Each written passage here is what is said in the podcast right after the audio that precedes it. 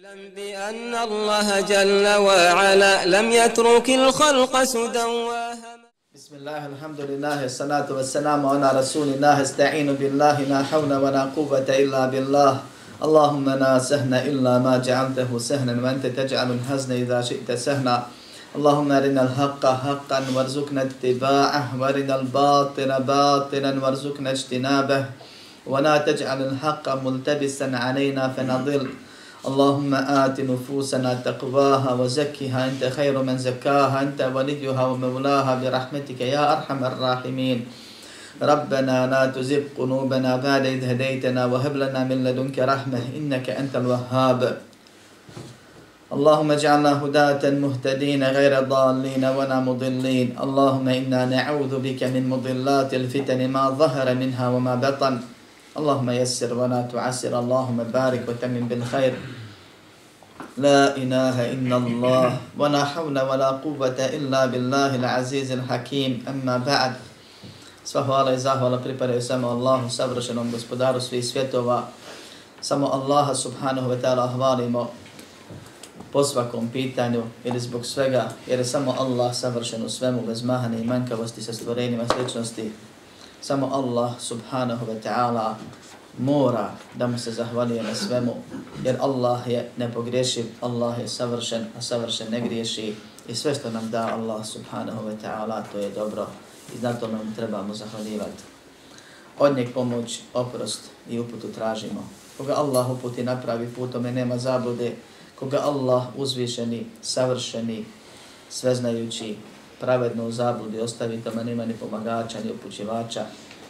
Zato sebi spasa kroz Allahovo zadovoljstvo tražimo kad srcem, jezikom i svim dobrim dijelima sve dok živimo svjedočimo da nema drugog Boga sem Allaha jedini i nema sudruga i da je Muhammed sallallahu alaihi ve sallam Allahov rob najbolji i njegov poslanik posljednji.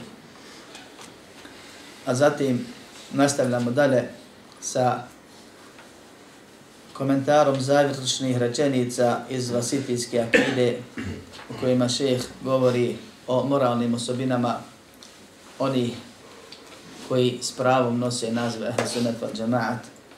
Pa nakon što je spomenuo one stvari koje se tiču odnosa prema zajednici i prema drugim muslimanima, gdje musliman svog brata smatra koji smatra dijelom sebe i svog tijela i smatra sebe i njega dijelom jednog tijela koji se umet zove, gdje ga podržava želeći mu ono što želi sebi u svakom dobru, a ne pomaže ga i ne povodi se za njim ni u kakvom zlu, gdje musliman strpljive na belajima zna da su od Allaha i da su hajr, iako ne shvata kako, i zna da ne može od Allaha pobjeć nigdje, i zna da može samo saboriti ili kukat, i zna da će za sabor nagrađen bit, a za kukanje kažnjen, pa mu ne preostaje ništa drugo nego da sabori i da se Allah subhanahu wa ta'ala mora, odnosno da Allahu mora zahvaljivati na svakoj blagodati koju znamo i koju ne znamo. I da čovjek treba sebe tjerat da s vremena na vrijeme razmišlja o blagodatima kako bi povećao zahvalnost. Jer Allah subhanahu wa ta'ala zahvalnim povećava a nezahvalnim prijeti bolnom kaznom, žestokom kaznom. I da su vjernici zadovoljni sa Allahom odredbom kad je za njih i kad je protiv njih. Nakon toga šehhul Islam rahimahullah spominje i kaže وَيَدْعُونَ إِلَى مِكَارِمِ الْأَخْلَاقِ وَمَحَاسِنِ الْأَعْمَالِ وَيَعْتَقِدُونَ مَعْنَ قَوْلِهِ صلى الله عليه وسلم أكمل المؤمنين إيمانا أحسنهم خلقا kaže pozivaju u najbolje vidove morala mekarim il akhlaq o mahasin il a'mal i u najbolja dobra djela najispravnija djela ubijeđeni u istinitost riječi Muhammeda sallallahu aleyhi ve sallama najpotpunijeg imana su oni najboljeg morala. To je dio rečenice s kojim ćemo početi večerašnje predavanje. Kaže pozivaju. Mi smo naučili da je vjera znanje i vjerovanje ono što naučimo, zatim djelovanje po tom vjerovanju, zatim širenjem toga i ustrajnost, odnosno strpljivost na svemu tome. Kao što nas Allah subhanahu wa ta'ala uči u suri Al-Asr. Da su svi propali, da su oni koji imaju vjerovanje, a vjerovat ne možeš osim ono što si naučio, shvatio, spoznao, ubijeđen u to djelovanje, po vjerovanju, po znanju, pozivane, jedni drugima preporučuju istinu i ustrajno strpljenje na učenju, na objeđenju, bez da ti ga neko otme i promijeni, na primjeni, na ispravnoj praksi do smrti, na pozivanju drugih, zato što želiš njima, što želiš sebi, zato što je Allah naredio. I što ćeš biti pitan ako si mogao, nisi, da na svemu ovome i da to čini život onih koji nisu propali, koji će biti spašeni na danu konačnog, konačnog obračuna. Prema tome šeh kaže ovdje pozivaju, a kad god se kaže pozivaju ili poziva, to obraća moja podrazumijeva da on u to vjeruje, jer on to primjenio. Tako treba da bude. I da je on to kod sebe uveo i ubjeđenost u istinitost, ispravnost, korisnost toga, pa i drugima širi. Bilo ljudski ili vjerski. Iz ljudskih ili vjerskih razlika, o tome smo govorili kad smo pričali na početku moralu. So znači da oni primjenjuju jer su naučili, a rekli smo prošli put da je moralan onaj ko slijedi Muhammeda sallallahu aleyhi ve selleme, jer Allahu poslanik Muhammed sallallahu aleyhi ve selleme ima pečat od Allaha da je najlepši morala. I da nije moral ono što mi mislimo i što svatamo i što ne znam nija ocijenimo i procijenimo, nego je moral ono što je Muhammed sallallahu aleyhi ve sellem radio i preporučio da radi, da se radi i pohvalio i odobrio. I nemoralno je sve ono što je Muhammed sallallahu alejhi ve selleme osudio. Kaže, pozivaju u mekarimul ahlak, u najveći, u vrhunski ahlak. Zašto ovako prevodim? Ne znam kako su prevodili prevodnici. Zašto ovako govorim? Zato što riječ kerim, kerem, Allah sebe opisuje da je ekrem. Za Kur'an kaže da je kerim. Znači u arapskom jeziku najbolje od vrste. Zavisi o čemu se govori. Najbolje u svojoj vrsti. Pa ovdje kad kaže mekarimu lahlaq, znači od svih moralnih, oso moralnih osobina, od svih vidova morala, jer je moral je ko ima, i može biti minimalan, može biti osrednji, može biti dobar, bolji i može biti najbolji vrhunski. Od svih vidova morala i od svih moralnih osobina, oni pozivaju najbolje. Islam poziva u najbolje, to su ljudi koji vjeruju u Islam. Mi smo naučili davno da je osnova kod ehle sunneta ono što im je došao Allah, Allah što, što, je, što im je Allah poslao poslanika Muhammeda sa zemlom Kur'ana i sunneta od teorije i praksi i ponašanja. Tako da, zato je došlo u hadisu Mu'ada poznatom, kad je, kad je poslano Jemen, kaže, va ijake va keraime emualihim. Pa se da uzmaš najbolji imetak. Pa Tako di se ova reč kerim, keraim, najbolji. Jer kerim se kod nas često prevodi kao darežljivost. I to je ono što proizilazi iz, iz osnovnog značenja. A to nije osnovno značenje. To je posljedica toga da budeš najbolji. Jer najbolji ima najbolje, pa to prenosi i širi na drugi. Ako nešto nemaš, ne možeš ga nirati. Ne može biti da režljivo najko nema. Bilo osobina ili imetka, ili znanja, ili nečega drugog. Pa Allah subhanahu wa ta'ala sebe upisuje i kaže Iqra wa rabbuke al-akram Uči, čitaj, tvoj gospodar je najplemenitiji. To je savršen i potpuno svakom smislu. I to nama daje i daruje koliko hoće. Od osobina i sve što imamo od finih, potpunih, pozitivnih stvari kod sebe, to nam je od Allaha, nismo mi ništa stvarili. Allah subhanahu wa ta'ala opisuje Kur'an i kaže da je innehu na Kur'anun kerim. To je Kur'an plemeniti. Što? Što je to nešto najbolje što uho može čuti i jezik može izgovoriti i oko može pročitati, srce može shvatiti, insan po tome može raditi i zatim se povoditi i nema ništa bolje. I daje ti svako dobro Allah subhanahu wa ta'ala kroz Kur'an. Pa ovdje kad kaže mekarim al ahlak, znači najbolji od svih ponašanja gdje možeš da biraš minimalno ili sevap ili vrhunsko ehli sunnet van džemaat poziva u vrhunsko. Ali objašnjava da ima ispod toga. Da može insan znači imati minimum, pa i tu podlačimo crtu, a onda kažemo pazi se, nemoj to raditi jer to je ispod crte dozvoljenosti. I to je ono što karakteriše ehli sunnet al džemaat, ovaj što proizilazi iz ove teme, to je pravednost. Mi možemo ljudi da se lažemo. Možemo da neistinom jedni drugima oči mažemo. Možemo da popuštamo i popuste na Allahu vjeru i propise dajemo. Pitaš me jel haram, a vidim da ti je teško ako kažem jeste Pa ja budem merhametli i kažem, a može proći. Mi možemo to probat pa izvest. Ali nećemo ni ja niti dobro proći. Ako ti tako odgovori, a nije tako. Prvo ti ode u džehennem, ode u zabud, uradit ćeš neispravno radit ćeš po neispravnom. Kad god tako postupiš, Allah ćeš srditi. Jer Allah nije to propisao. A ja gore prolazim od tebe. Jer imam grije što sam slagao na Allaha uzvišenog ako znam da nije tako. Imam grije za svaki grijeh koji ti učiniš jer sam te ja ne imala. I zato je Ali objaš, objašnjava. Ovo je potpunost, ovo je pohvalno, ovako bi najbolje bilo. Može i ovako, ali ne može ovako. I kad se podvuče linija, Allah je podvukao Kur'anom ili sunetom kojeg je poslanik sa svem objavio, tu mi stanemo i objasnimo. I ako imaju izuzeci iz pravila da nekad imaju olakšice i njih spomenemo, nije problem. Pod određenim uvjetima. Ali šarijatski ne naši. I to je ono što ima kod ehli sunata, nema kod drugih. Jer se ljudi po ovom pitanju dijeli na one koji daju popuste kod je njihovo i one koji zatežu svugdje kod je njihovo ono što im u srcima škrtosti i nekakvog pretjeranog straha, to prenose na Allahovu vjeru. A to Allah nije tako objavio. Pa i ovdje kaže, pozivaju najlepše, a podrazumijeva se da naređuju ono što je obavezno.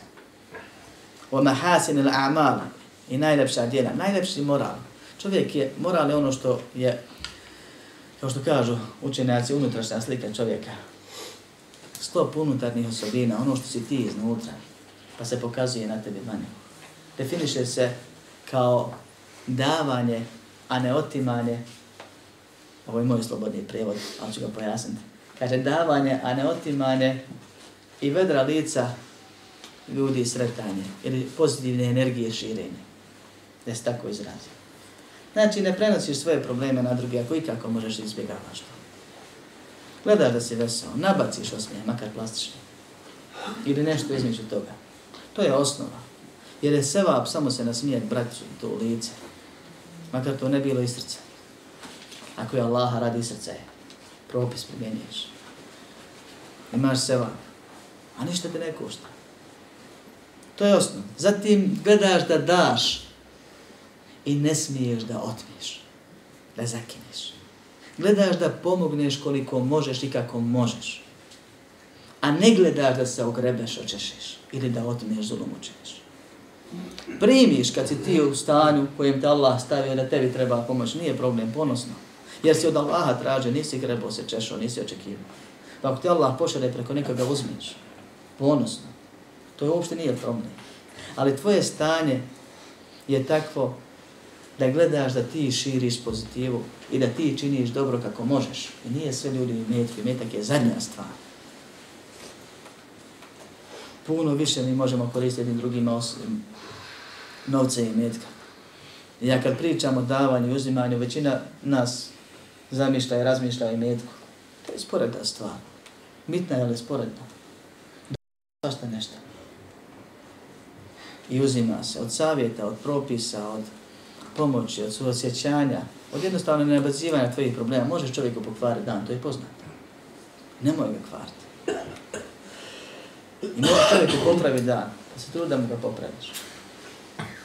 I možeš čovjeku olakšati savjetom i utjehom i primjerom i se sluša, samo da ga saslušaš.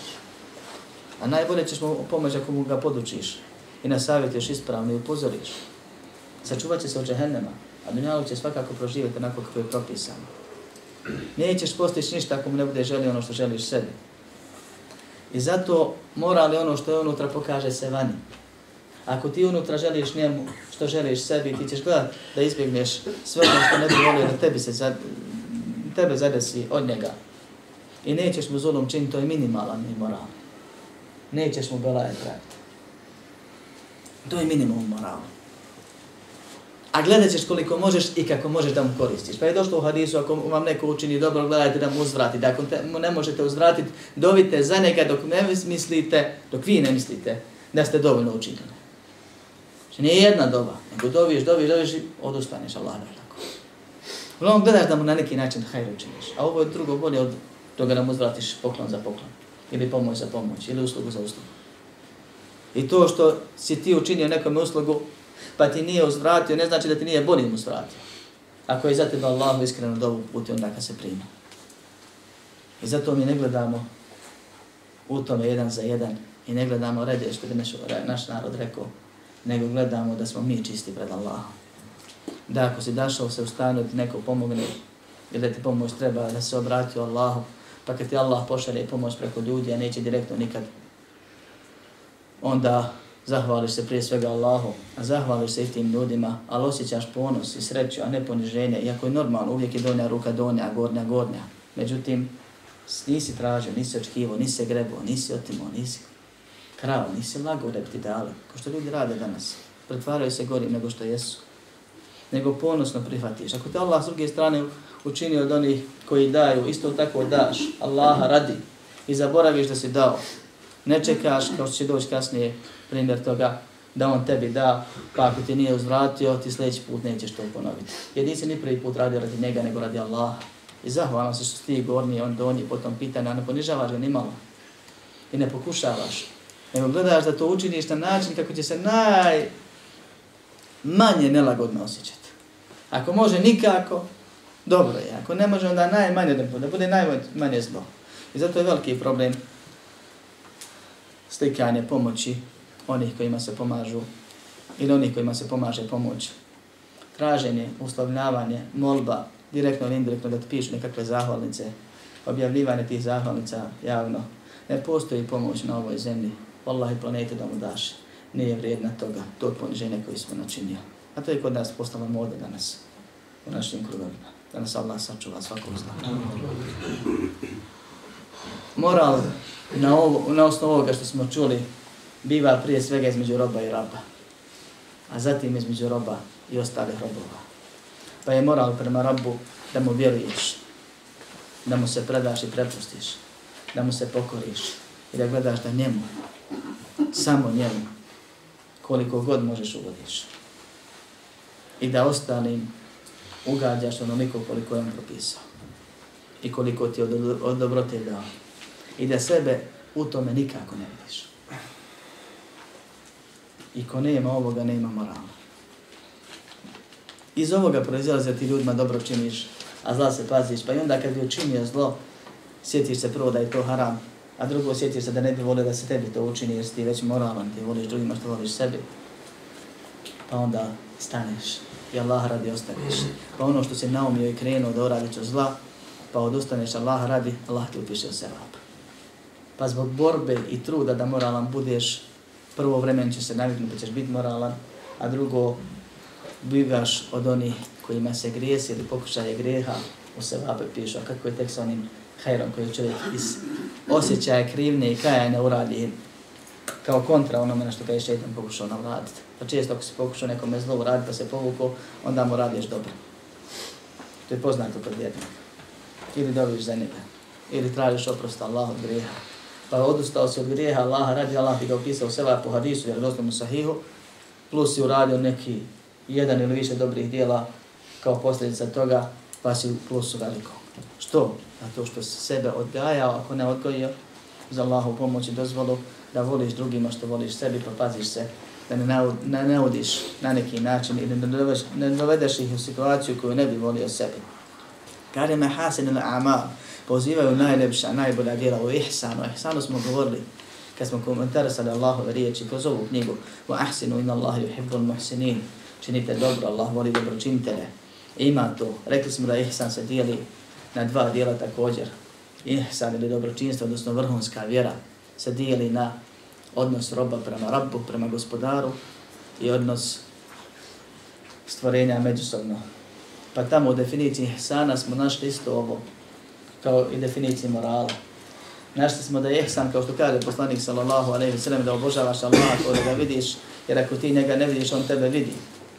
I to je u ibadetima, da svaki ibadet radiš bez da fušeriš, kratko jasno.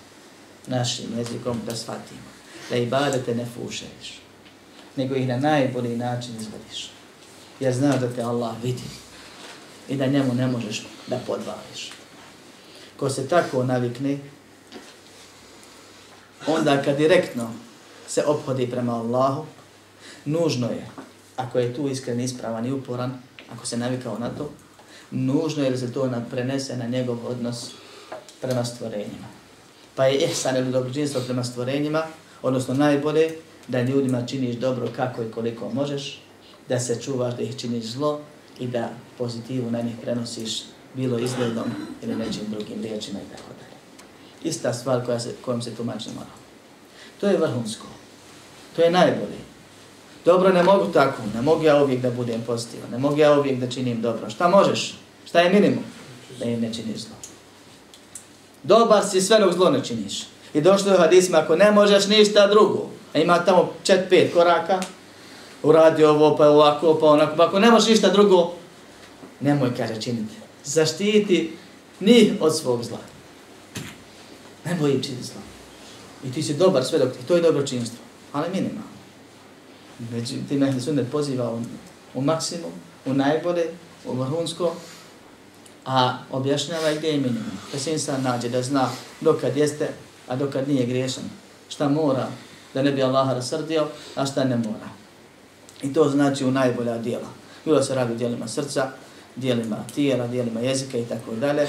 Radeći, kaže po hadisu, vjerujući u istinu to sreći poslanika sallallahu alaihi wa sallame, najpotpuniji vjernici, najpotpunijeg imana vjernici su oni koji su najboljeg i najljepšeg ponašanja, morala, tačnije. To jest, nije ovdje pojenta da se smješkamo, a da jednim drugima iza leđa nož zabijamo. To je najgori moral, to je moral munafika, nije moral vjernika. Ovdje je pojenta da svoja srca, svoje duše odgojimo, očistimo, da drugima želimo dobro, svima drugima. A da se prema njima minimalno po šerijatu, po obavezno dijelu postupamo, dajući svakome njegovo pravo. To je minimum. Strudeći se da mu damo više. I zato kaže vajen dubune ila en tesile men qata'ak wa tu'tije men haramek wa ta'afu wa ammen zanamek. Kaže smatra i pohvalni, jer ovo nije obavezno. Ali postiču da daš, da spojiš onoga ko s tobom odnos prekida. Ovdje se odnose općenito na vjernike, a posebno naravno na one koji su rodbine i koji imaju pravo. A spomenut će kasnije rodbinsku vezu šeha. Znači da ti spajaš kad se da ti prvi se nam nazivaš, da ti prvi ljutno prekidaš. Da ti kontakt uspostavljaš, ali pohvalno, nije obavezno, svemu svakom. Pa kaže, pohvalno je to da ti prvi, te prve korake ka dobru, ka slozi, ka jedinstvu, ka popravljanju stanja načiniš. Zatim kaže, va tu'ti je men haramek, da daješ onima koji tebi ne daju. Ovo je ono malo prije sam rekao. Allah radi daješ. I ako treba sto hiljada puta da mu daš, da ćeš mu sto hiljada puta, Allah tebe počastio da preko tebe ide. I nećeš mu ni pomisliti da pogovoriš, a kamo ni pogovoriti. I nećeš reći ne da mu jer nije ni on mene. Neću mu pomoći jer nije ni on mene. I to šetan stalno dolazi s tim. Nije problem na ti ta stvar. Jer šetan, šetan donosi sve ono što ne bi valjalo. I čovjek kad god hoće da radi dobra djela, bori se s njim. Problem je da ga poslušaš, da se njemu pokoriš, a ne šarijatu. Da daješ i onima koji, ima, koji ti ne daju, a kamo onima koji ti daju. Bilo šta od dobra napominjem, ne mislim ovdje samo na imetak i medanik je jedan dio našeg života koji je nebitan jer će ostati sve to iza nas. A i on se podrazumijeva. Za nek su duše posebno vezane, nažalost. Nego bilo šta od dobra. Da budeš ti koji daješ, makar ti se uzvratilo ili ne, sve jedno ti je. Jer tjera Allah radi to činiš. A posebno se tjeraš da daš onima kojima adeti, nekakva ljudskost i šeitanluk ne, nije običaj, ne dozvoljavaju da se to radi. Tako s njima. Jer je običaj kod nas da ne damo kome ne da, ko nama ne daje, i od jednostavno nam padne šeitan i donese ideju, pa ti se pitaš gdje sam bio ranije, kako se ovoga nisam sjetio, što sam mu ranije dao, sad on me nikad nije dao, sad više ne dam, i tako dalje. Sve to je ono protiv čega se sunetlija bori sam sa sobom, pa postupi kontra ako vidi da je šetanluk i ne natjera se da uradi ako vidi da je to od Allaha subhanahu wa ta'ala, makar mu bilo mrsko, makar mu negodino, makar mu bilo nelogično. Ko što nam je nelogično da potiremo godni dio mestava ili čarapa umjesto donje koji se prlja, ali to radimo i ne sumnjamo u to i koristimo tu olakšicu, tako isto mnoge druge stvari. Nije uslovljeno da mi shvatimo, skontamo, nego je obaveza da ih mi u, njih, u ispravnost njihovu vjerujemo i da ih prihvatimo i primjenjujemo. Wa ta'fu wa i da oprostiš onima koji ti zulum čine. Ovo je pohvalno, nije obavezno. Minimum je da vratiš svoje pravo. I to je ono što je Allah subhanahu wa ta'ala od nas traži, obavezao u osnovi. Da čovjek ne pušta zalima da nastavi zulum činiti. Nego da ga spriječi. Kao što Allah uzvišeni kaže, u ladine i da sabehum, lavihum i entesirun. Oni koji, kad im se nepravda čini, oni pobjede, vrati, uspiju, zaustavi, ne daj. Ali ima opcija u šarijatu i to je pohvalno i bolje da oprostiš onome koji te zulum čini. Šta je zulum? Zulum je otimanje tvoga ili nedavanje tebi onoga što zaslužuješ. Jedno i drugo je zulum. I može biti znači materijalno, to je sporedna stvar, i može biti prije svega ovjeri, da te neko uvrijedi, ili u časti, ili u, porodici, ili u porijeklu i tako dalje. One stvari koje Islam došao da sačuva. Može da te uvrijedi, da ti uzme, da ti otme, da kaže nije tako. Ili može jednostavno da ti ne da nešto od poštivanja što ti Allah propisao, zato što tebe Allah učinio za njega po nekom pitanju. I sve jedno i drugo je zulom jedno i drugo čovjek primijeti jako ga boli i smeta. Čovjek se po prirodi uvrijedi ako zna da je nešto njegovo uskraćeno. Bilo ono što treba da mu da haka od prava ili da mu još otme njegovo što on ima. Pa sebi prisvoji ili njemu ne prizna. I u tim situacijama osnova je da je pohvalno da se oprosti. Jer Allah subhanahu wa ta'ala kaže وَنِعَفُ وَنِيَسْفَهُ وَنَا تُحِبُونَ يَغْفِرَ اللَّهُ لَهُمْ وَنَا تُحِبُونَ يَغْفِرَ اللَّهُ لَكُمْ neka kaže oproste i zaborave, zar vi ne želite da Allah vam oprosti. I pravilo je da svako onaj ko halali nešto svojih hakova nekome komu je zakinuo, da će mu Allah dati više. I kad god ti naumpadne šeitan dođe i kaže ako mu halališ nešto moći uzeti, uzeti na sudnjem danu, treba će ti sjeti se da Allah daje više. Međutim, traženje halala je obaveza. I mi smo iskušani u ovom vremenu pojavom da ljudi konstantno zulum čine, prava uskraćuju, vide da se neko ljuti, da reaguje i samo se privuku i prišute. To je neki vid pomirenja ko biva. Ako on sačka da ti malo ljutnja splahne, a niješ nikad zaboraviti. I da nastavi s tobom kao da se ništa nije desilo, on to smatra zaboravljenim. A to se vraća moja nije halalno i nije raščistila. Možda ti jesi u srcu, onda je to dobro. A možda i nisi. A ako nisi, uzet ćeš svoje pravo na sudnjem danu. Onaj kome si nanio nepravdu, ima pravo kod tebe. Ili protiv tebe na sudnjem danu i na ovom svijetu. Ako hoćeš da budeš čist, traži halala. Ako tražiš halala iskreno, i on na tebi vidi iskrenost, imaju hadisi koji obavezuju da se halala tad si obavezan da halališ. Kad ti dođe neko na čijem se licu vidi da se zaista kaje i traži ti halala tako. Takvom je halal to obavezno. Kad ti neko dođe, promijeni ponašanje prema tebi, vidiš da on se pokajao, ali ne zna i neće, ne može da traži halala, takvom je pohvalno halal. Ali nije obavezno. Ili ti traži halal, ono reda radi. Halale, brate, ona poznata, naša što briše sve redom. Tako me pohvalna halal. Ima osoba kojima je haram halal. To su osobe koje igraju na ovo halale, brate, ali malo više, malo brezobrazno. Znači zna, braća smo halal, ćemo, muž i žena i tako, babo, mati, babo, mati, milostima, ona će zaboraviti i tako dalje. Pa radi šta hoćeš, zakidaj koliko hoćeš, samo se kasnije promijeni malo, nek ta ljuta prođe i to je halalina. Kažu islamski učinjaci, ako znaš da će tvoj halal biti uzrok da nastavi, on čini to, ne smiješ mu halal. Ili ne smiješ mu reći da si halalio. Možeš ti u srcu halal. ali ne smiješ mu reći halal. sam ti šuti, odbijaj ga, skreći, reci mu pamet u glavu, vidi šta si uradio, daj mu rečenicu iz koje, ne, iz koje on shvati da nije halal, neka peče. To je jedini način da se popravi. Možeš i tako halal, ali ne smiješ njemu, ne smiješ mu da doznaje da si halal. Ako hoćeš da imaš ovo pohvalno, vrhunsko, u sebi. Ali time ga pomažeš da nastavi čin grije. Ima i takvih ljudi koji očekuju on će meni halal, on je dobar čovjek i onda opleti po njemu kako znaš i umeš. I ne boj se. I ako već treba, reci nekada ono reda radi halal i to je završeno. I da se ljutiš kad kaže neću halal, tu kaj neću da mi halal. Kako to može? Pa ja bi tebi kaže halal i tako dalje, pa ti si dobar čovjek, pa ti si ovo, pa ti si ono. Niko nije obavezan da halal. Osim situacije kad ti baš pokažeš, tamo se u opisu stoji čak i da dođe da plače i da mu je žao i da moli i tako dalje, da se baš vidi. Nek je osnova da je pohvalno halal i da se može na halal. Pa da čovjek pazi oko ovo.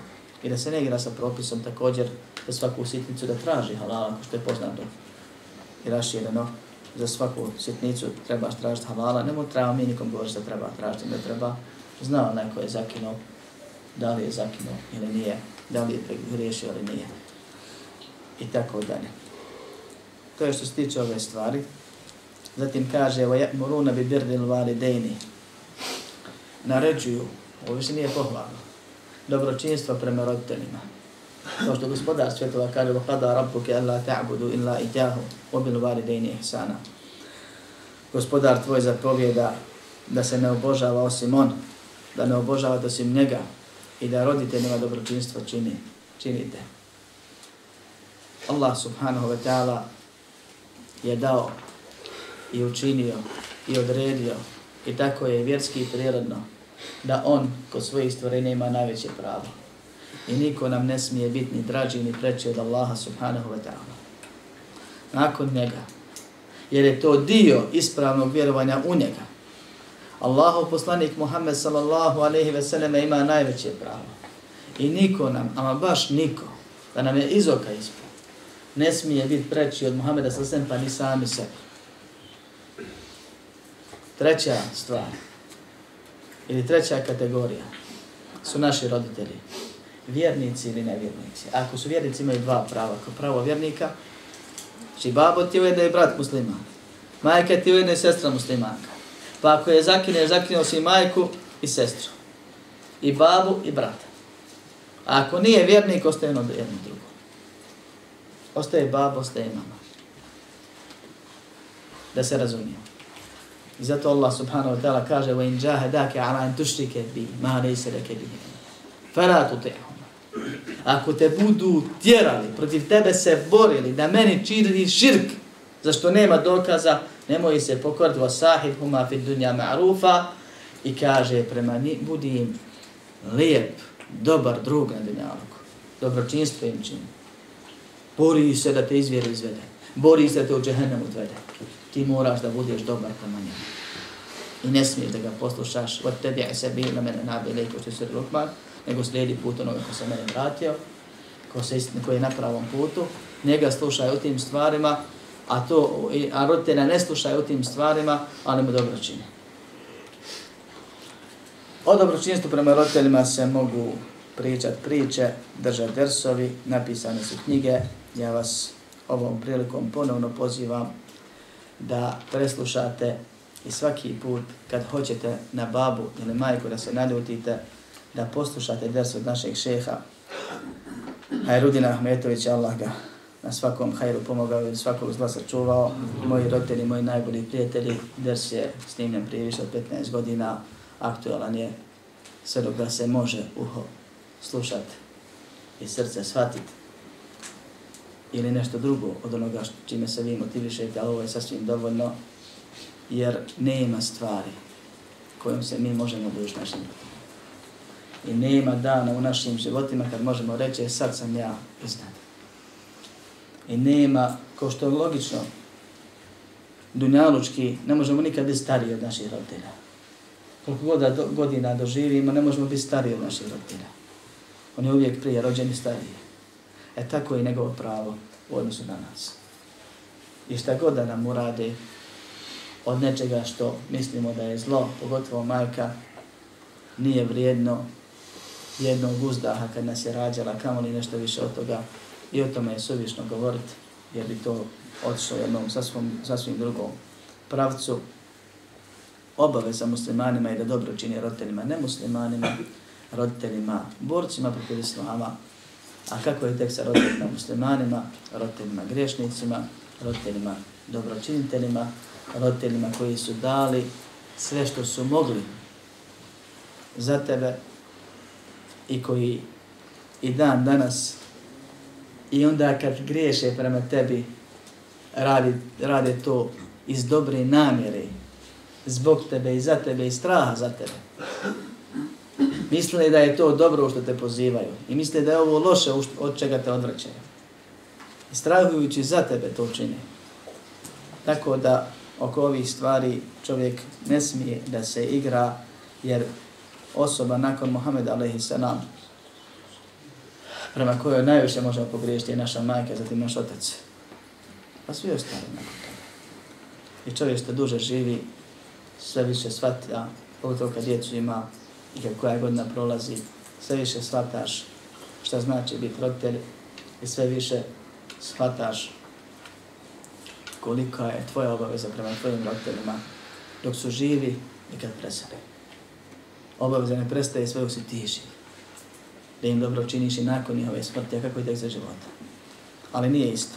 I treba iskoristiti onaj koji ima žive roditelje. Savjet meni i vama. Wasilatil arhami kaže obavezuju i spajanje rodinskih veza. Ovo nije pohvalna stvar. Wa husnil dživari i da se bude dobar komšija.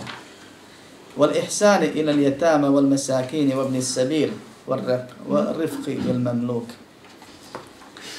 I da se kaže dobročinstvo čini prema jetimima i miskinima i putnicima, namjernicima i da se bude blag prema robovima.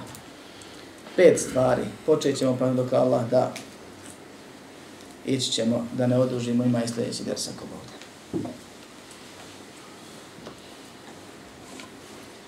kaže obavezuju ili naređuju, smatraju obaveznim sebi i drugima spajanje rodbinskih veza. I kaže spajanje, ne kaže održavanje. Jer održavati je lahko. I zato je došlo u hadisu radim kad ja hoću, a oni neće sa mnom. Pa kaže poslanik sallallahu sallam što je u sahihu kod Buharije, lej salvasilu bil mukafir, nije, kaže, spajanje rodbinske veze da ti vraćaš, da uzvraćaš. Nego je, kaže, spajanje kad oni tebe prekidaju, kad oni neće s tobom, a da ti uporno s njima hoćeš. I to je ono što je obaveza. A kako je tek sa održavanje? S tim da je Allah subhanahu wa ta'ala mudar i milostiv i znao je kako vam će sve halu dunjalog biti. Pa kažu islamski učinjaci da je zabranjeno prekidati, znači ne pričati sa rodbinom. Rodbina su prije svega mahremi kod muškarca i kod žene. Ono što bi znači, što su tebi mahremi od tvoje rodbine ženske i što bi tvojoj sestri bili mahremi od muške, a tko tebe su, to je ono što je rodbina koja je nužno i obaveza održavati, ali je pohvalno što više širiti, makar ne bili mahremi. Makar poklonjeno. Pa kažu, održanje rodinskih veza se vraća na održavanje obaveza. I obaveza je spajanje.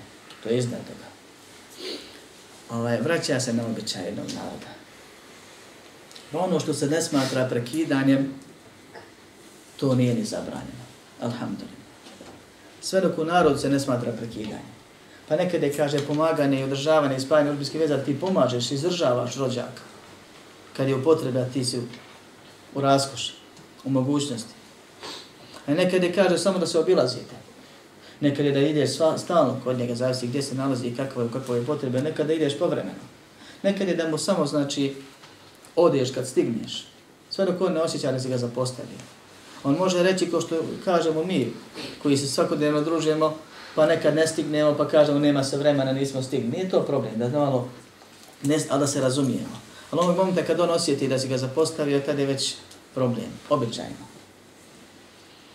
Pa je minimum održavanja rodskih, rodbinskih veza da se ne smatrate kao oni koji ne pričaju, da jedni drugima čestitate bajrame, E, da jedni drugima čestitate dobro i odila, odlazimo po, po dobrim povodima, bilo rođenje i tome slično, i da izražavamo saučešće i pomažemo se u belajima.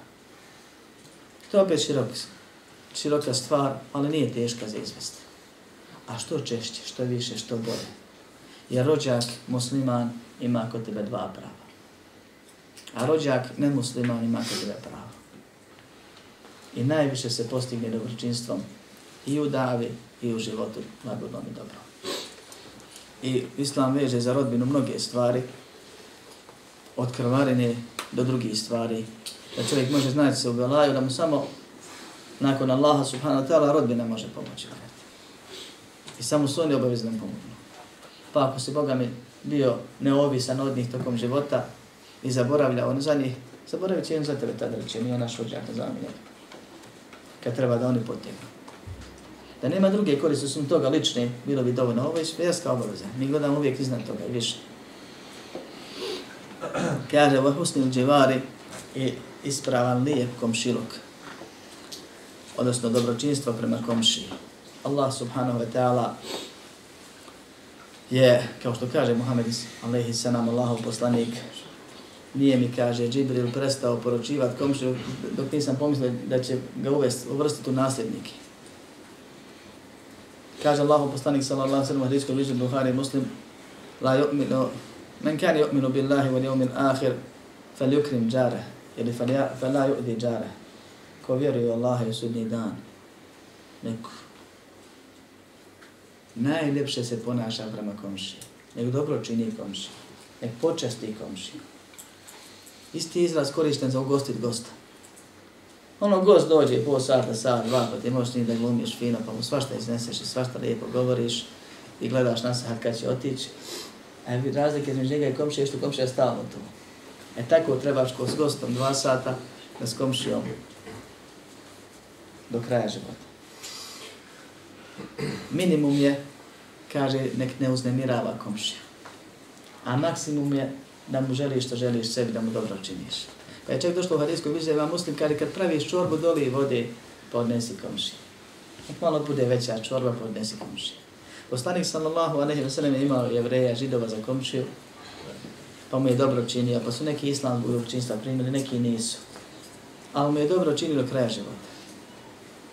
Bez obzira na njihov odnos prema islamu i otvoreno iskazivanje prijateljstva i mržnje prema Muhammedu alaihi salatu wa sallam, njemu u lice, u njegovoj državi. I pored toga im je dobri uzvraćao na to. I da se Bog do mi obhodimo prema komšijama muslimanima, ako se postane sa svema obhodi prema komšijama nemuslimanima. Dakle, obaveza je da mu se zlo ne čini i da mu se dobro želi. I po mogućnosti da mu se dobro čini, a pohvalno je što više dobra čini. Komšiji Komši je onaj koji do tebe i sve okolo što dalje od tvoje kuće odmiče, to manji komšija biva. Komšilu se isto vraća na običaj najčešće. I kažu islamski učinaci, komšija može biti u tri, dva ili jednom stanju. Ovo što sam sad rekao se odnosi na jednog, minimalnog. Komšija, nevjernik. Ima kod tebe obavezu da mu zlo ne činiš i da mu dobro želiš i da koliko možeš dobro mu činiš. Komšija, vjernik, ima kod tebe svoje ona prava koja vjernik ima kod vjernika. Pa ti oni komšija i brat musliman ima do, duplo pravo. Komšija, vjernik, rođak. Ima kod tebe trostruko pravo. Ako ti je roditelj komšija, onda je to nešto posebno. Ako živi ispored kuće svoje rodine, imaš svoju kuću. I čovjek mora da obrati pažnju na ove stvari, da nije isto povrijediti komšiju koji ima kod tebe trostruko ili ono koji ima jednostruko ili dvostruko pravo. Ali da je prema svima ista minimalna obaveza, a to je želja za činjenje dobra, zabraniti sebi i ne želit, ne želit i ne radit ništa što ga uznemirava. Pa kaže islamski učenjaci, kad bi čovjek naručio, Evo naš ćemo primjer uzeti sličan onome što spominju, zvao sad ovako na jesen pred zimu nekoga da mu izraže motorkom drva. I to uradi ujutro ili popodne, po danu. I komšija hoće da spava i to mu smeta. Da li se to smatra grehom ili ne? Raspravlja se o tome. Ispravno je da to nije grijeh. Ali kad bi ti doveo čovjeka s motorkom da reže drva na večer ili prije sabaha, to bi bio grijeh. Iako su tvoje drva, na tvojoj bašči, ti plaćaš svog radnika, grijehe što bi uzoriš komšu. I svaka druga stvar takva koja, se, koja je običajno normalna ne smeta. Može čovjek smeta da njemu se spava, šta ja znam šta je njegove kući, što nije sinoj spavao i dalje, a kad bi me zamolio trebao bi da prekine. Lijepo da mi kaže zvini da mogu djeca ne spavaju, ovo ono možeš li.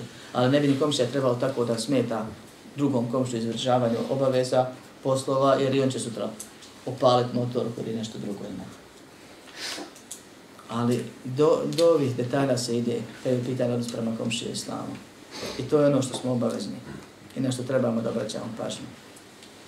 Kaže, dobročinstvo prema jetimima, to su djeca koja su izgubila oca prije šerijaske punoljetnosti, miskinima, to je svaki onaj čovjek koji je u oskudici, bilo da ima platu koja mu nije dovoljna ili neki drugi vid, ili nema.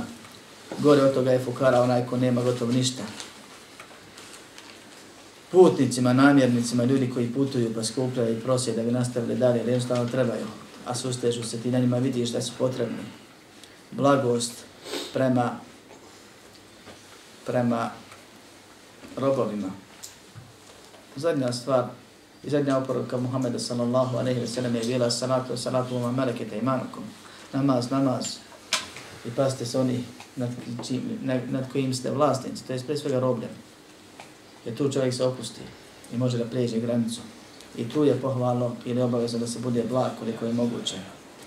A obaveza je muslimanu da bude posebno pražnjiv prema jetimu i posebno pažljiv prema onome kome je uskraćeno nešto što ti imaš. I tu je zabranio se čovjek uzdiže iznad nivoa s pravom, kao što je u sljedećoj rečenici, o tome ćemo ako Bog da kasnije, sljedeći ders, a kamo li bez prava jetim je najranjivija kategorija u društvu. Nema gore kategorije, nema teže. Nema teže slučajeva gdje ima, makar bio čovjek koji ima porodicu i ne može da izdržava, u problemima su i tamo, amo, oni su u boljem stanju nego jeti. I jetimu se posebno pazi na njegove osjećaje i na njegove dunjaločke potrebe. I rodbina, zatim cijeli komšilok, su obavezni da se brinu o jetimu koji je kod njih. I Allah subhanahu wa ta'ala kaže أرأيت الذي يكذب بالدين فذلك الذي يدع اليتيم ولا يحض على طعام المسكين spominje jetima i miskina kaže vidjeli ti onaj koji poriče sudnji dan govori prije svega o vjernicima znači onaj ko ne vodi brigu o jetima kao da ne misli da će biti proživljen koji ga nije briga sudnji dan ko da ne vjeruje u sudnji dan zato što je ovo klasična osobina onih koji ne vjeruju u sudnji dan oni da čekaju da iskoriste jetima da iskoriste miskina da im džaba radi miskin i da pokradu nasljedstvo jetima ili da ga uklone zato što im smeta ili na neki drugi način zlopotrebe. To je osobina prava onih koji ne vjeruju u proživljenje, koji ne znaju i ne vjeruju da će biti pitanje za svoja djela. I svaki musliman koji ne vodi računa o ovim kategorijama, o potrebnim u društvu, kojeg ne boli kad neko je u oskudici, a on nije, je zaboravio da će biti pitan i pred Allahom subhanahu wa ta'ala proživljen. U tom momentu kao da ne vjeruje. Poredi se sa čafirima koji ne vjeruju u proživljenje. Kada ne postiče da se hrani miski, ne ne hrani, treba da postiče sebe i drugi, da se kudi što nije. Nije vjernik pravi. Ko zanuči sit zna da mu je komšija glava. Kakva je to vjera? Kad znamo da što može biti jedno, može biti dvojice. Došlo u hadisu. I kad znamo da sutra možemo mi biti na njegovom ili naša djeca, ona naše mjesto. I kad znamo da ono što je Allah dao od imetka, Allah naziva Allahom imetkom, a ne našim. I kad znamo da je Allah subhanahu wa ta'ala naredio da se drugima želi ono što želi se sebi.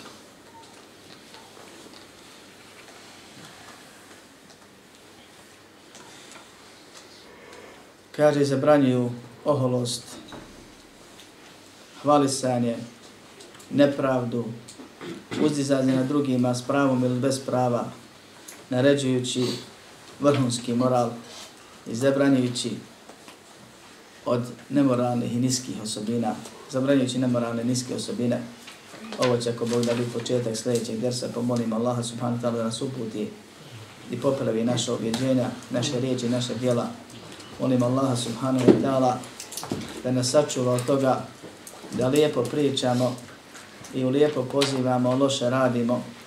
Molim Allaha subhanahu wa ta'ala da nas uputi na ono što je on ili s čim je on zadovoljan od reči i dijela javnih i tajnih, a da nas sačuva od onoga što vodi njegovom sržbi i njegovoj kazni. Molim Allaha subhanahu wa ta'ala da nas uputi da živimo sebi i drugima dobro činimo, a kad preselimo da smrtne muke budu zadnje muke koje osjetimo i da već u kaboru počnemo vječno da uživamo. Amin. Walhamdulillahi rabbi. بأن الله جل وعلا لم يترك الخلق سدى